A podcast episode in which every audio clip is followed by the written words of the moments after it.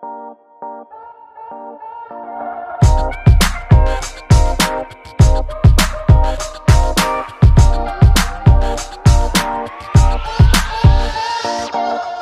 pagi, selamat siang, selamat sore, dan selamat malam para pendengar setia Abastok.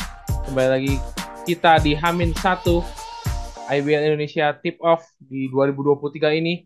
Masih bersama gue Abu. Christian dan Vincent Manahem. Tadi udah sempat gue singgung bahwa kita take di Hamin 1 jelang Tip Off IBL musim baru di tahun 2023 ini. Tepatnya di seri pertama di Gor Merpati Bali. Kita akan menyaksikan 8 seri secara apa ya disebutnya beruntun ya bisa dibilang ya Ya, musim betul ini. sekali. Ya, Dan- nantinya bakalan ada setiap seminggu sekali pindah kota.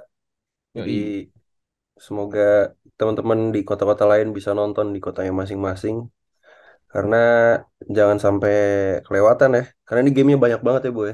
Gamenya banyak Lebih dan banyak. harap ya dan harapan teman-teman eh, yang dulu dari dulu pengen ngomong, ayo dong gamenya diba- dibanyakin, gamenya dibanyakin. Nah, sekarang udah dibanyakin, nah Ya. teman-teman bisa support eh, kapan pun tim kesayangan kalian di Gor ataupun di live streaming tepatnya di video.com. Betul, betul, betul. Tapi kalau mau nonton langsung juga bisa ya, karena PPKM juga udah udah nggak ada gitu kan, udah dicabut. Jadi Mhm. teman-teman juga bisa leluasa buat nonton langsung, bisa dukung timnya masing-masing. Ya. Terus jadwal juga banyak, jadi ya semoga eh, semua aman-aman aja ya, nggak ada yang nggak ada Yoi. yang nggak ada PPKM lagi, semoga nggak ada kayak gitu. Chan, Chan tapi masih ada yang komen Chan. Eh, Min, Apa tuh? gua liat- kemarin iseng-iseng di IBL lihat komen ya. Hmm, Min, masih harus vaksin nggak? Please dong, woi. hmm. Ini du- 2023 lu masih ngomongin please vaksin anjing. Ya, berarti dia masih nggak vaksin tuh, hampir setahun lebih ya. Please lah gitu. Itu pertanyaan yang Ya. nggak perlu ditanyain. Aduh, ampun. Bener-bener dah kadang-kadang itu. Ya Tapi mungkin dia memang penganut flat earth ya seperti Kyrie Irving. Jadi Yoi. kita maklumi saja ada orang-orang yang seperti itu ya. Yoi, tapi tapi sebelum itu Chan eh, kita juga mau ngucapin ya turut berduka cita buat keluarga West Bandit eh, West, West Oh, iya. Bandit Mansion Sport yang dengan Ya. eh, dengan besar hati dengan lapang dada kehilangan salah satu owner terbaiknya. Kita juga Betul, secara betul. pribadi nggak terlalu kenal ya Chan ya, cuma ya kita tahu lah eh, beliau siapa. Kita tahu juga sering nonton di lapangan bersama West Ya, Bandit, eh saat West ya. Bandit bermain. Ya semoga keluarga da- Iya, keluarga besar dari teman-teman West Bandits juga dikuatkan lah ya. yoi. Apalagi eh series udah udah mau dimulai, semoga bisa tetap fokus juga, tetap kuat Nah itu dan dia. tabah dan bisa fight juga buat eh, West Bandits. Yoi. Oke, langsung aja kita bahas ini topik yang sebenarnya semua media juga harusnya bahas ya Chen ya. Tentang prediksi Ya, kurang lebih. Berjalannya di musim 2023 nanti.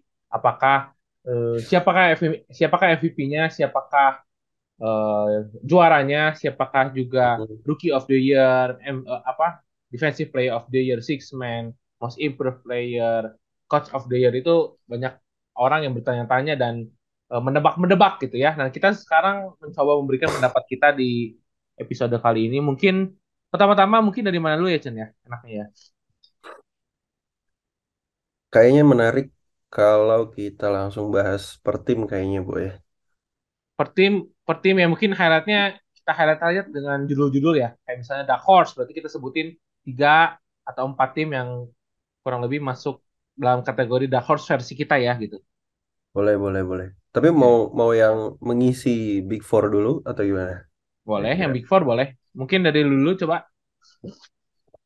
Gua kalau mau meng-highlight ya, sebenarnya susah sih kalau Big Four sejujurnya ya. Cuman gue masih masih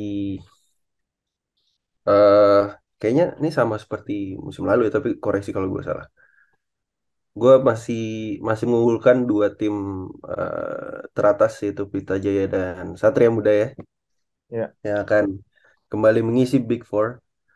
Lalu eh, Prawira Bandung, menurut gue mereka calon kuat karena kedatangan pemain lokal yang menurut gue jadi pelengkap buat Prawira Bandung, buat buat coach eh David Singleton jadi lebih happy kelihatannya ya dengan uh, pemain lokalnya. Tapi nggak tahu nantinya, karena gue juga melihat dari Prawira uh, pemain asingnya juga si Brandon uh, Francis juga cukup klop ya sejauh ini. Gue melihat highlight-highlight di sparringnya.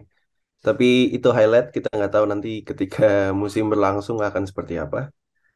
Itu udah tiga ya gue, Satria Muda, PJ sama Ya. Prawira. Mungkin satu lagi gue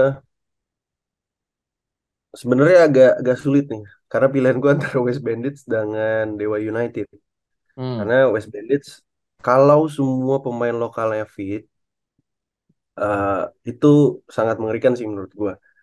Terutama eh, salah satu eh, salah satu yang menjadi helper terbaik eh, yaitu Rizal Falconi itu juga berperan penting di West Bandits ya. Apalagi eh, pilihan guard dari West Bandits juga semakin banyak. Ada Chris, eh, ada Coke, ada Shefly, ada ada Rio DC yang punya visi bermain yang yang bagus. But eh, di sisi lain di Dewa United, gue melihat eh, Dewa United diperkuat dengan pemain asing yang yang sangat tough sih. Ketika mereka eh, ngelakuin one on one, salah satunya Ramon. Ramon gue melihat jadi energi buat Dewa United sih. Dia dia dia bisa dia bisa ngebangun eh, apa ya emosional, ngebangun motivasi buat Dewa United karena menurut gue itu salah satu yang harus yang harus di, dipunya sama sama Dewa United gitu karena Dewa United punya punya pemain veteran yang skillnya eh, dua dua pemain veteran yang skillnya kita nggak usah ragukan lagi tapi mereka masih masih sedikit kurang menurut gue dari energi. Dan Ramon punya itu yang yang yang bisa melengkapi Dewa United. So, terus eh dari dari eh, pemain asing mereka juga komunikasi sama pemain lokalnya bagus. Eh gue lihat di beberapa match di di di eh, scrimmage ya gue harap sih eh mereka mereka bisa bisa apa ya bisa tetap jalan bagus lah. Tapi buat di Big Four gue lebih ke Dewa United sih. Sorry buat West Bandits sepertinya ya. Ya. Kalau lu bagaimana buat Big Four nih?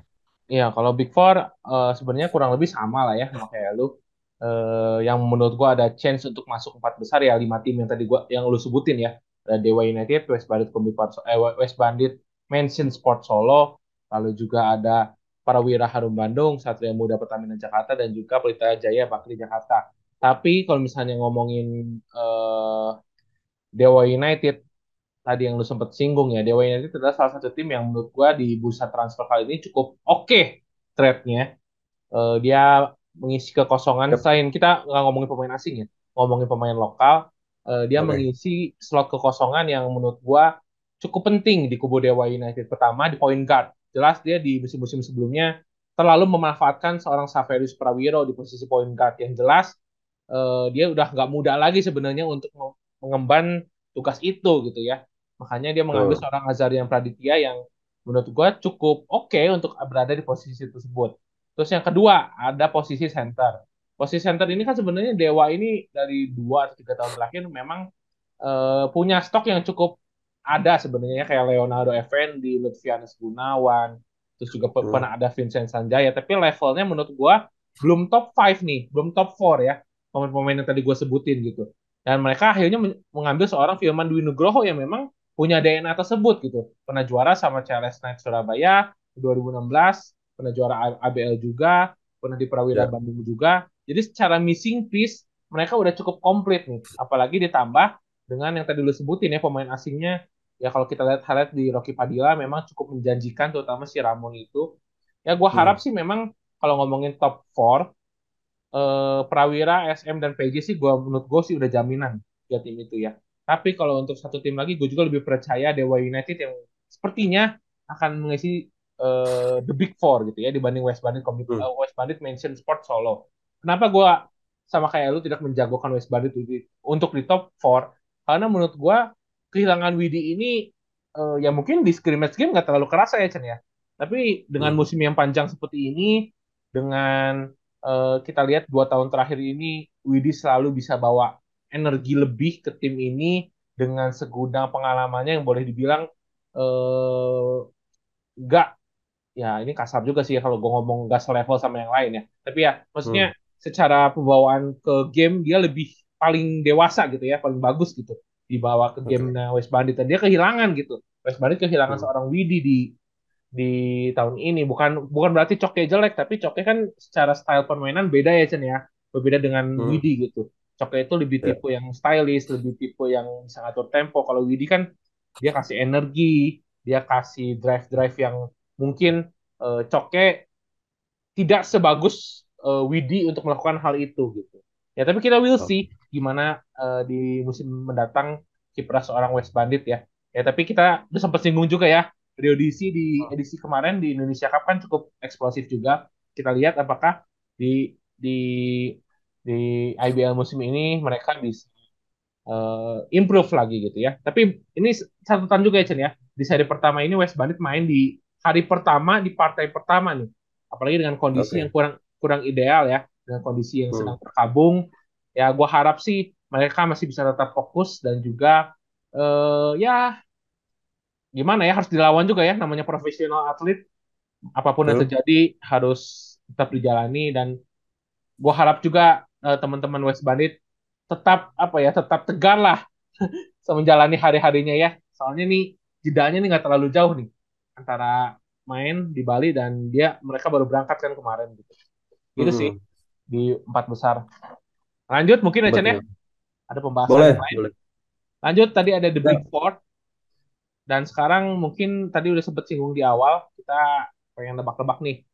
Kuda hitam lah kira-kira di IBL musim depan siapa? Ya kuda hitam berarti di luar Big Four bisa dong ya Chen ya siapa pun ya. Oh bisa, bisa banget, Oke. banget. Oke, mungkin dari siapa? Dari gua, dari lu? Dari lu boleh. Tadi gue pertama. Oke. Kuda hitam, kalau dari gue pribadi sih, tadi gue udah mikir-mikir ya, menimbang-nimbang, melihat peta kekuatan sih, gue ada tiga tim yang kira-kira mungkin bisa jadi eh, kuda hitam di IBL musim depan. Yang pertama ada Bali United Basketball Club, Hmm. yang dari dua musim pertamanya gagal lolos ke playoff. Lalu Ya. di peringkat ke, eh di peringkat kedua lagi di tim kedua ada Amarta Hang Tuah Jakarta yang Hmm. kedatangan Divta Pratama dan juga eh, Dani Wanas. Yang ketiga Wenas. ada Bima Perkasa Jogja. Bima Perkasa Jogja walaupun eh, gue adalah salah satu orang yang belum terlalu percaya sama Coach Melby, tapi kita lihat nanti gimana. Eh gue kasih highlight sing- singkat dikit ya untuk Bali United Basketball. Bali eh, musim ini merubah total skuadnya yang tadinya full anak muda dan juga eh, anak Bali ya, pure anak Bali sekarang justru kebalikannya mereka banyak mengambil pemain-pemain veteran eh, dengan didukung beberapa pemain muda seperti Neo Pandey, Irvin Kurniawan dan juga ya kita bisa bilang Abraham Wenas juga masih muda ya walaupun secara pengalaman dia cukup banyak gitu ya di IBL Ya. dan ya secara squad mereka cukup solid. Tapi ya kita nantikan ya apakah di Olohon masih bisa bersaing dengan para pemain asing lainnya nih yang kira-kira datang ke IBL musim ini dengan status debutan ya. Dia kan salah satu yang senior ya di IBL musim ini sebagai foreign player gitu dan yang kedua kalau Amarta Hang Tua Jakarta gue masih menunggu juga bagaimana eh, recovery-nya seorang Full Amir apakah dia Hmm. tepat waktu atau enggak untuk comeback di seri pertama ini atau gimana soalnya kalau nggak ada Full Amir sih gue cukup cukup eh bukan meremehkan ya cuma cukup menurunkan ekspektasi gue ya terhadap Amarta Hang Tua Jakarta gitu. Untuk yang Ya. ketiga Bima Perkasa Jogja eh seperti Jacob yang ngomongin kemarin nggak adanya nggak adanya Indra Muhammad pasti berubah. Tapi dengannya dengan adanya Nuka Tri Saputra yang fit itu bisa menutup lubang itu sih. Tapi harapnya eh, berharap juga si Nuke ini fit ya sepanjang musim semoga aja nggak ada kambuhan dan yang, yang pasti yang pasti semua pemain asingnya harus perform itu aja sih dari eh, notes dari gua untuk tiga tim ini. Kalau dari lu? Gue gue setuju dengan Bali United yang yang sempat lo bahas tadi sih dengan dengan uh, beberapa pemain veterannya ya. Terutama Sandi Keceng yang gue melihat uh, di beberapa game scrimmage game dia masih he's still sharp gitu dengan dengan tembakan-tembakannya seperti biasa. But uh, gue masih masih apa ya masih masih kurang yakin tapi dengan uh, pemain asing yang uh, dimiliki Bali United, Bali United sebenarnya. Biasa aja Walaupun ya Chan ya. gue melihat eh, duet ketika Dior bermain dengan Galang atau Dior bermain dengan eh, Rico itu cukup cukup baik ya. Jadi ada high low post dan eh, cukup kuat mereka ketika di defense kalau di pen area. Tapi eh, eh, ketika ketika mereka eh, melakukan offense, kayaknya itu masih masih butuh butuh tambahan lagi dari beberapa pemain guardnya, terutama eh, ketika eh, gue lupa lagi namanya dari si pemain eh, pemain asing dari Bali United yang satu lagi, eh, dia cukup cukup ini sih cukup cukup atletis, cuman ketika ketika eh, ngomongin tentang eh, tembakan tiga angka mungkin dia agak kurang ya. Jadi mungkin itu di di di di apa digeser pos, digeser ke tugasnya ke Lutfi atau ke eh, Sandi juga bisa. Jadi kalau untuk eh, Bali United yang menurut gue masih masih buat gue kurang yakin sih sebenarnya di di pemain asingnya gitu. Itu mungkin satu dari Bali United yang akan menjadi kuda hitam.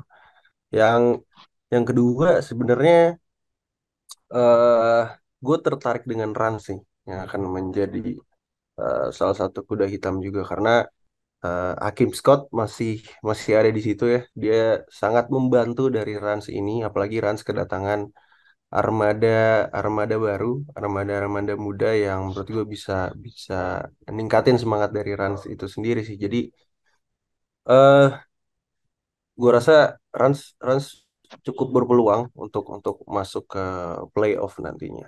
Dan mungkin satu lagi eh, eh, sebenarnya gue agak-agak eh eh, apa ya agak bingung nih milihnya antara eh, Amarta atau atau eh, si BPJ gitu. Cuman eh, melihat dari dari eh, pengalaman dan kesiapan sepertinya BPJ tuh lebih lebih siap gitu. Apalagi mereka punya eh, Coach Every Meldy di situ yang yang selalu punya kejutan-kejutan untuk eh, setiap tim yang dia tangani.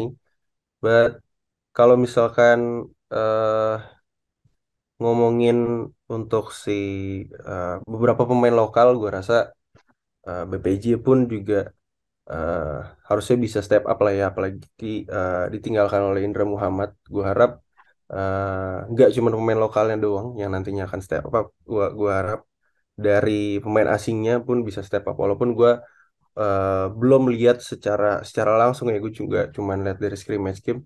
Nampaknya cukup eh, kuat gitu beberapa pemain asing dari BPJ ini. Dan gue rasa BPJ akan menjadi salah satu kuda hitam terkuat sih nantinya. Hmm. Dan sih gua gua sebenarnya kepikiran tadi. eh kalau misalnya kalau misalnya Rans ya, Rans kemarin kan sebenarnya sebelum ditinggal oleh Chris Daleo kan dia mengambil pemain-pemain kecil ya Chen ya di ya skuadnya. Tapi setelah Chris Daleo keluar, ya Joseph keluar, terus si siapa? Si siapa tuh tadi? Ya eh, siapa? Otto ya, Otto keluar gitu kan. hmm, Pemain-pemain yang tadinya diambil Chris Daleo kan akhirnya nggak kepake gitu di di skema Rans yang sekarang gitu. Nah menurut lu tuh ngaruh gak tuh? Karena kan eh, boleh dibilang kan pelatihnya baru, terus pemain-pemainnya ya seadanya gitu kan, maksudnya nggak bukan pilihan utama mungkin eh, pelatih yang sekarang gitu. Gimana tuh kalau iya menurut lu? iya. Itu pertimbangan gue makanya gue nggak masukin Rans tuh bukannya apa apa ya, tapi eh, hal itu yang membuat gue nggak masukin Rans dalam kuda hitam. Padahal kan di musim lalu cukup oke ya penampilannya gitu. benar-benar itu itu juga jadi salah satu alasan gue sih kenapa gue lebih milih BPJ tadi karena eh, mungkin kalau pemain hmm, pengaruh karena kan si Otto mungkin tadi lu bilang Otto sama Joseph kan mungkin ketika di ketika di game eh, mungkin dia nggak terlalu banyak dapat minute play gitu. Cuman yang sangat berpengaruh sih dari coach yang yang diganti sih. Karena mereka akan adjustment lagi. Nah itu. akan akan ada ada tambahan adjustment ada perbedaan lagi karakternya cara cara ngelatihnya dan lain-lain. Itu yang buat gua eh, eh, eh, ag- agak kurang eh, memilih runs gitu. Cuman eh karena kan game ini panjang ya maksud gue series series masih masih lama gitu. Jadi eh kayaknya sih Rans bakalan bakalan eh, apa ya memberikan kejutan lagi nantinya kalau menurut gue apalagi si Hakim Scott masih di situ eh, as as a leader dia punya satu sosok yang bisa bisa ngebawa si Rans ini jadi lebih lebih kompak. Walaupun memang kalau dari segi taktis, dari, dari segi coach memang harus butuh adjustment lagi sih. Gitu. Iya, Kalau dari iya, gue iya. berpengaruh sih, berpengaruh. Berpengaruh. Iya, iya. iya. Oke, nanti sebenarnya gue tuh ada tadinya pengen ngomong kira-kira tim-tim yang di peringkat 9 yang nggak masuk playoff musim lalu ya. sembilan Hmm, ke 15 itu kira-kira siapa sih yang bisa nyodok ke posisi playoff gitu. Melihat ya tadi kan Bali udah sempat kita bahas ya. Tapi siapa aja ya. siapa lagi sih kira-kira eh, tim-tim yang di bawah itu bisa punya peluang untuk masuk ke Big Eight musim depan gitu. Tadi gue mikir ya, apa Pacific Cesar, apa Bumi Borneo, terus apalagi siapa Hmm, Tangerang Hawks ya yang tiga tim itu kan sebenarnya kalau kita lihat kan punya eh, squad lokal yang gak jauh berbeda ya untuk tahun ini gitu. Tapi pemain aslinya ini loh yang sebenarnya menjadi pertimbangan gue ya. Kemarin gue lihat Bumi Borneo dengan Diber cukup oke, tapi pemain gedenya Cameron Redley terlalu berat Iya, untuk ngegendong misalnya nggak ada Randy Bell di dalam dia terlalu masih masih nggak in shape gitu. Jadinya agak kurang bisa diunggulkan Bumi Borneo kalau misalnya Cameron Redley masih kayak gitu gitu. Kalau ngelihat terus tadi eh, gue sebutin Alan Pacific Cesar juga pun sama gitu. Satu pemain hmm, aslinya yang nggak terlalu in shape yang duh ini kayaknya nggak banget gitu kan eh, untuk main di IBL gitu. Satu lagi ya tadi eh, gue ngomong Tangerang Hawks nih. Tangerang Hawks ini sebenarnya cukup menjanjikan Cen, pemain asingnya. Iya, Kalau gue lihat ya, hmm, soalnya kan kalau tim-tim bawah ini mau nggak mau mereka cukup harus tergantung dengan para pemain asingnya gitu. Ini kalau pemain Tangerang Hawks nih kalau gue lihat beberapa kali memang cukup menjanjikan nih si pemain asingnya. Tapi memang tapi memang supportingnya itu loh. Apakah si Rizky Effendi dan kawan-kawan masih bisa nih untuk menyempurnakan pemain asing itu menjadi yang lebih baik lagi gitu sih. iya, iya, iya. Terutama dari dari pemain lokal ya untuk Tangerang Hawks, gue juga setuju sih. Iya, Walaupun mereka beberapa eh, selain ada Rizky Effendi, ada eh, Nicholas Mahesa juga kan, iya. yang Dani Ray itu, Dani Ray main bagus banget loh kemarin lawan apa tuh? dari PJ. Ray juga, terus ada Akim yang yang eh, cukup membantu eh, dari Tangerang Hawks. Semoga ya apa ya, karena Bukan Hakim, woi. eh Bukan Hakim. Chris Chriswell. oh Chriswell. Criswell kok Akim sih, salah gue. Gue Chriswell. Gue ingetnya Pasifik juga. Iya Criswell juga juga eh, cukup membantu dari sisi offense apalagi dari dari dari ini ya dari pemain pemain eh, kecil dari Hawks Ya, terus ada eh, Winston juga yang masih masih eh, ada di eh, rosternya Tangerang Hawks but sekali lagi ya balik lagi ke pemain lokalnya sih ya, ya, tapi ya. gue gue cukup cukup tertarik sama eh, pema, eh, si Pasifik sih terutama di di pemain asing mereka Walaupun ada satu yang gue juga setuju dengan lo, eh, mungkin agak-agak kurang ya. Cuman eh, kalau untuk di paint, gue lupa lagi namanya si Williams ya. Iya, iya. Eh, Ya, kalau kalau untuk di paint Williams cukup solid sih. Apalagi kalau misalkan menjaga eh, pemain seperti Dior atau mungkin big man eh, asing dari Pelita Jaya itu cukup solid itu untuk menahan untuk menahan mereka gitu di defense. But eh, di offense juga juga cukup bagus ketika di rebound. Tapi kalau misalkan eh, Pacific ingin bermain speed, karena kan kita tahu eh, eh, di musim lalu Pacific bermain cukup cukup apa ya eh, cukup eh, kenceng gitu ketika mereka melakukan offense eh, dari eh, pergerakan bola dari eh, the way they they they eh, decide to shoot eh, cukup cukup intensitasnya cukup tinggi gitu. Percobaan-percobaan shooting cukup cukup banyak gitu. Ya. Ya, gue harap dari Williams juga juga bisa ngimbangin itu sih. Jadi jadi dia bisa ngebantu dari sisi reboundnya eh, dari speed juga mungkin bisa ditingkatkan. Jadi eh, permainan dari Pasifik itu nggak nggak berubah banget dan dan Pasifik bisa mengejutkan nantinya di di season yang saat ini gitu sih gue harapkan eh itu sih dari Pasifik sama Tangerang oke. Next, eh, tim mungkin udah sesingkat aja gitu ya. Kita mau hmm bahas eh, beberapa nominasi yang mungkin akan ada dan pasti ada mungkin di IBL musim depan. Ada MVP, ya Rookie of the Year, Di- Defensive Player of the Year, Six Man of the Year, Most Improved ya Player, Coach of the Year, dan prediksi lu untuk final musim depan siapa? Mungkin lu dulu. Singkat aja, kalau mau ada highlight boleh sedikit-sedikit. MVP. Ini ini eh dibagi per dibagi asing sama lokal atau gimana nih? Eh ya kalau MVP jelas dong asing dan lokal ya. Ya kalau misalnya yang lain lokal aja deh lokal. Kalau MVP boleh ngomong MVP asing sama MVP lokal deh. Sisanya ya lokal aja semua.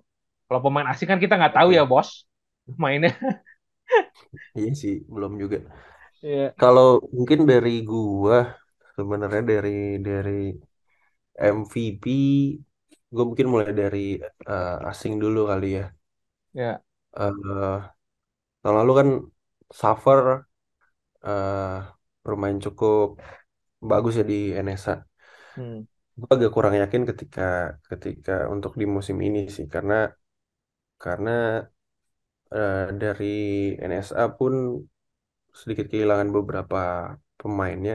Sri Rizky Agung Pranata juga eh, pindah gitu kan.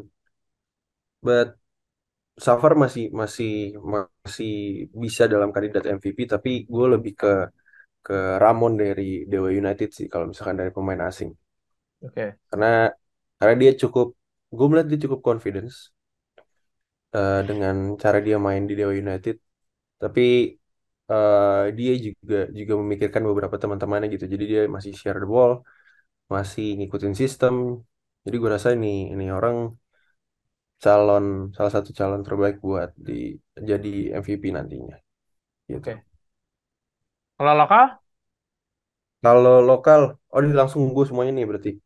Ya nggak apa-apa MVP dulu aja. Sok lu kan MVP belum beres. Tadi yang oke foreign kalau M oh iya iya lokal lokal kalau lokal. Hmm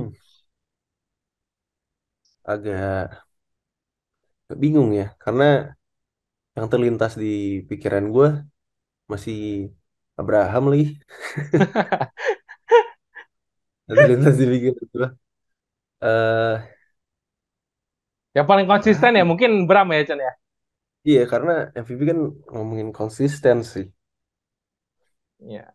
atau Oke. bahkan Yuda pun sebenarnya punya punya kesempatan gitu kalau dia benar-benar step up ya nantinya Ya. Oke. iya Kalau gue gue masih itu lagi kalau lokal. Oke.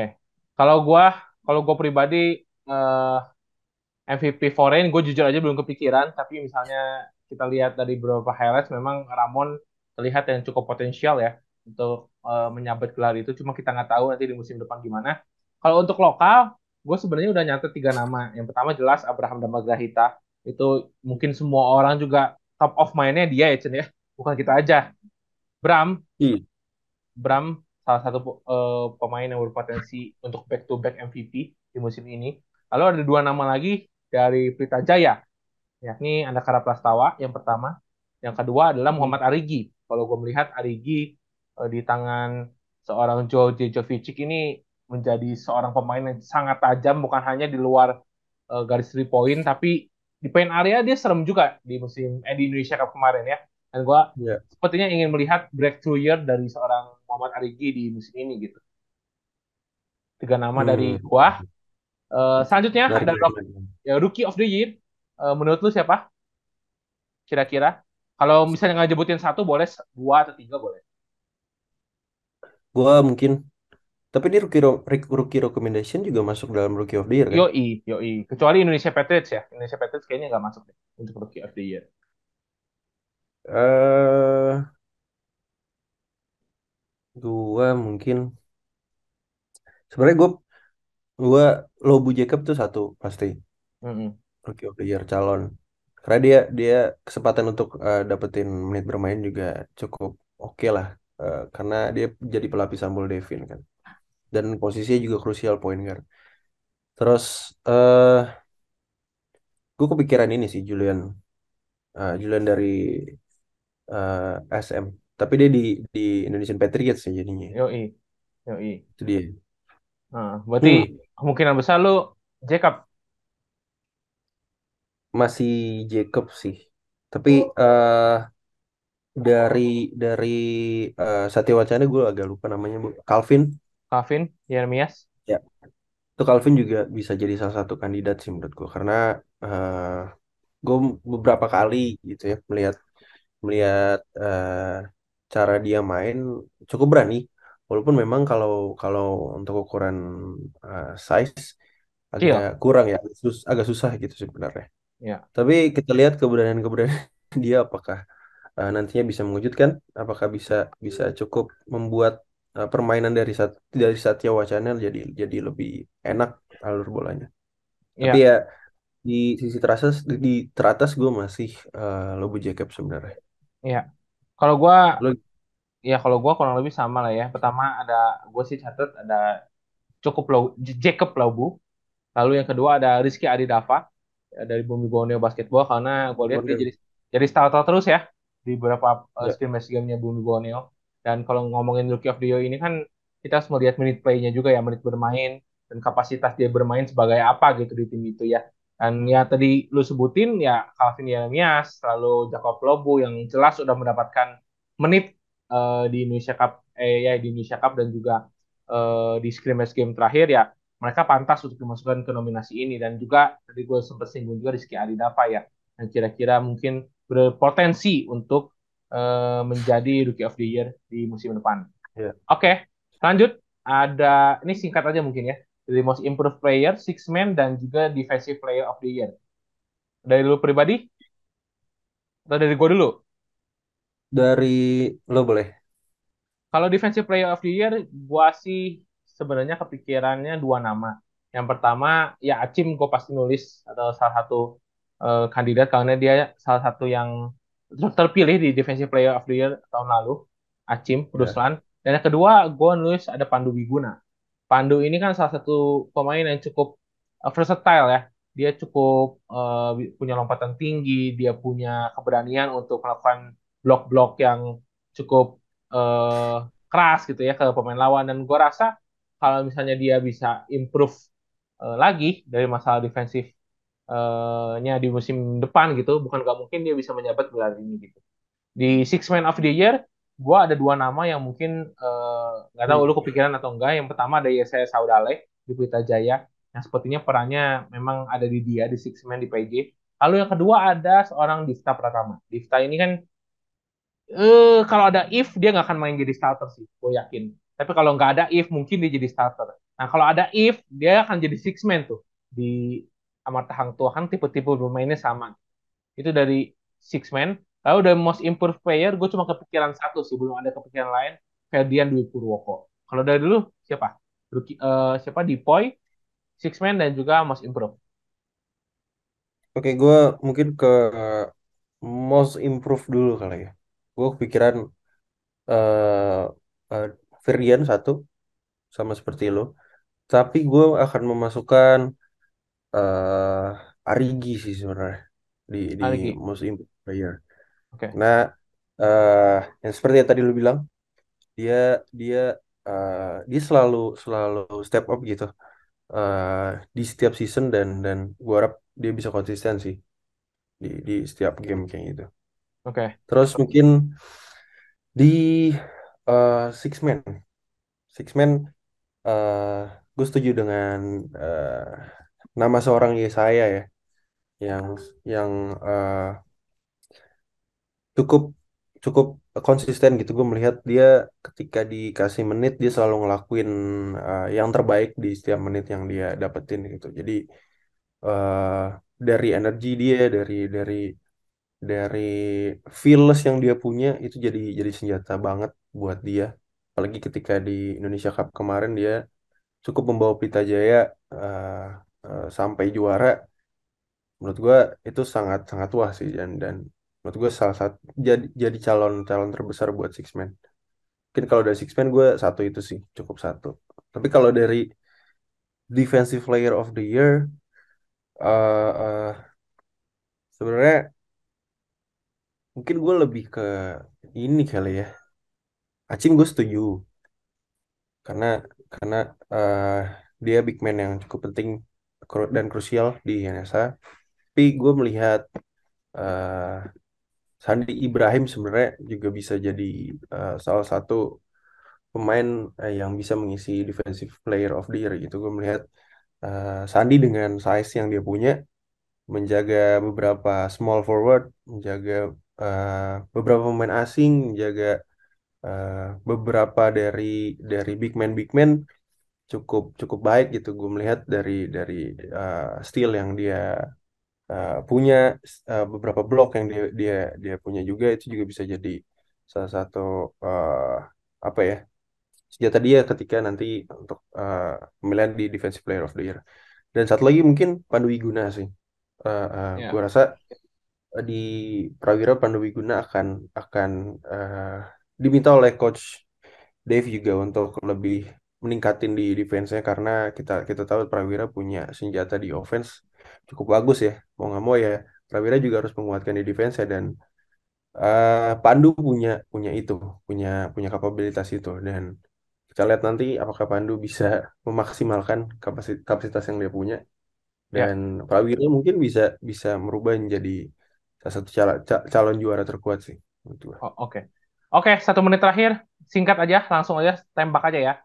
Coach of the Year dan juga final. Kalau dari gua, Coach of the Year Georgi Jovicic, pelatihnya Pelita Jaya Bakri Jakarta. Finalnya Pelita Jaya lawan Prawira Bandung. Lu Wah, menarik sekali. Gue sebenarnya sejujurnya gue juga satu sama menit sih nih, kayak satu menit nih. sama gue sama gue kayak lu karena karena gue agak kurang kurang yakin dengan SM sebenarnya Iya, itu itu itu pendapat kita aja ya. Jadi teman-teman Ya, yang punya pendapat iya silakan aja yang ngedengerin episode kali ini boleh di yes komen di Instagram kita ataupun DM kita langsung boleh. Thank you semua yang udah dengerin. Sampai ketemu di episode selanjutnya. Eh, semoga oke IBL tahun thank ini you berjalan dengan lancar. Thank you guys. amin see you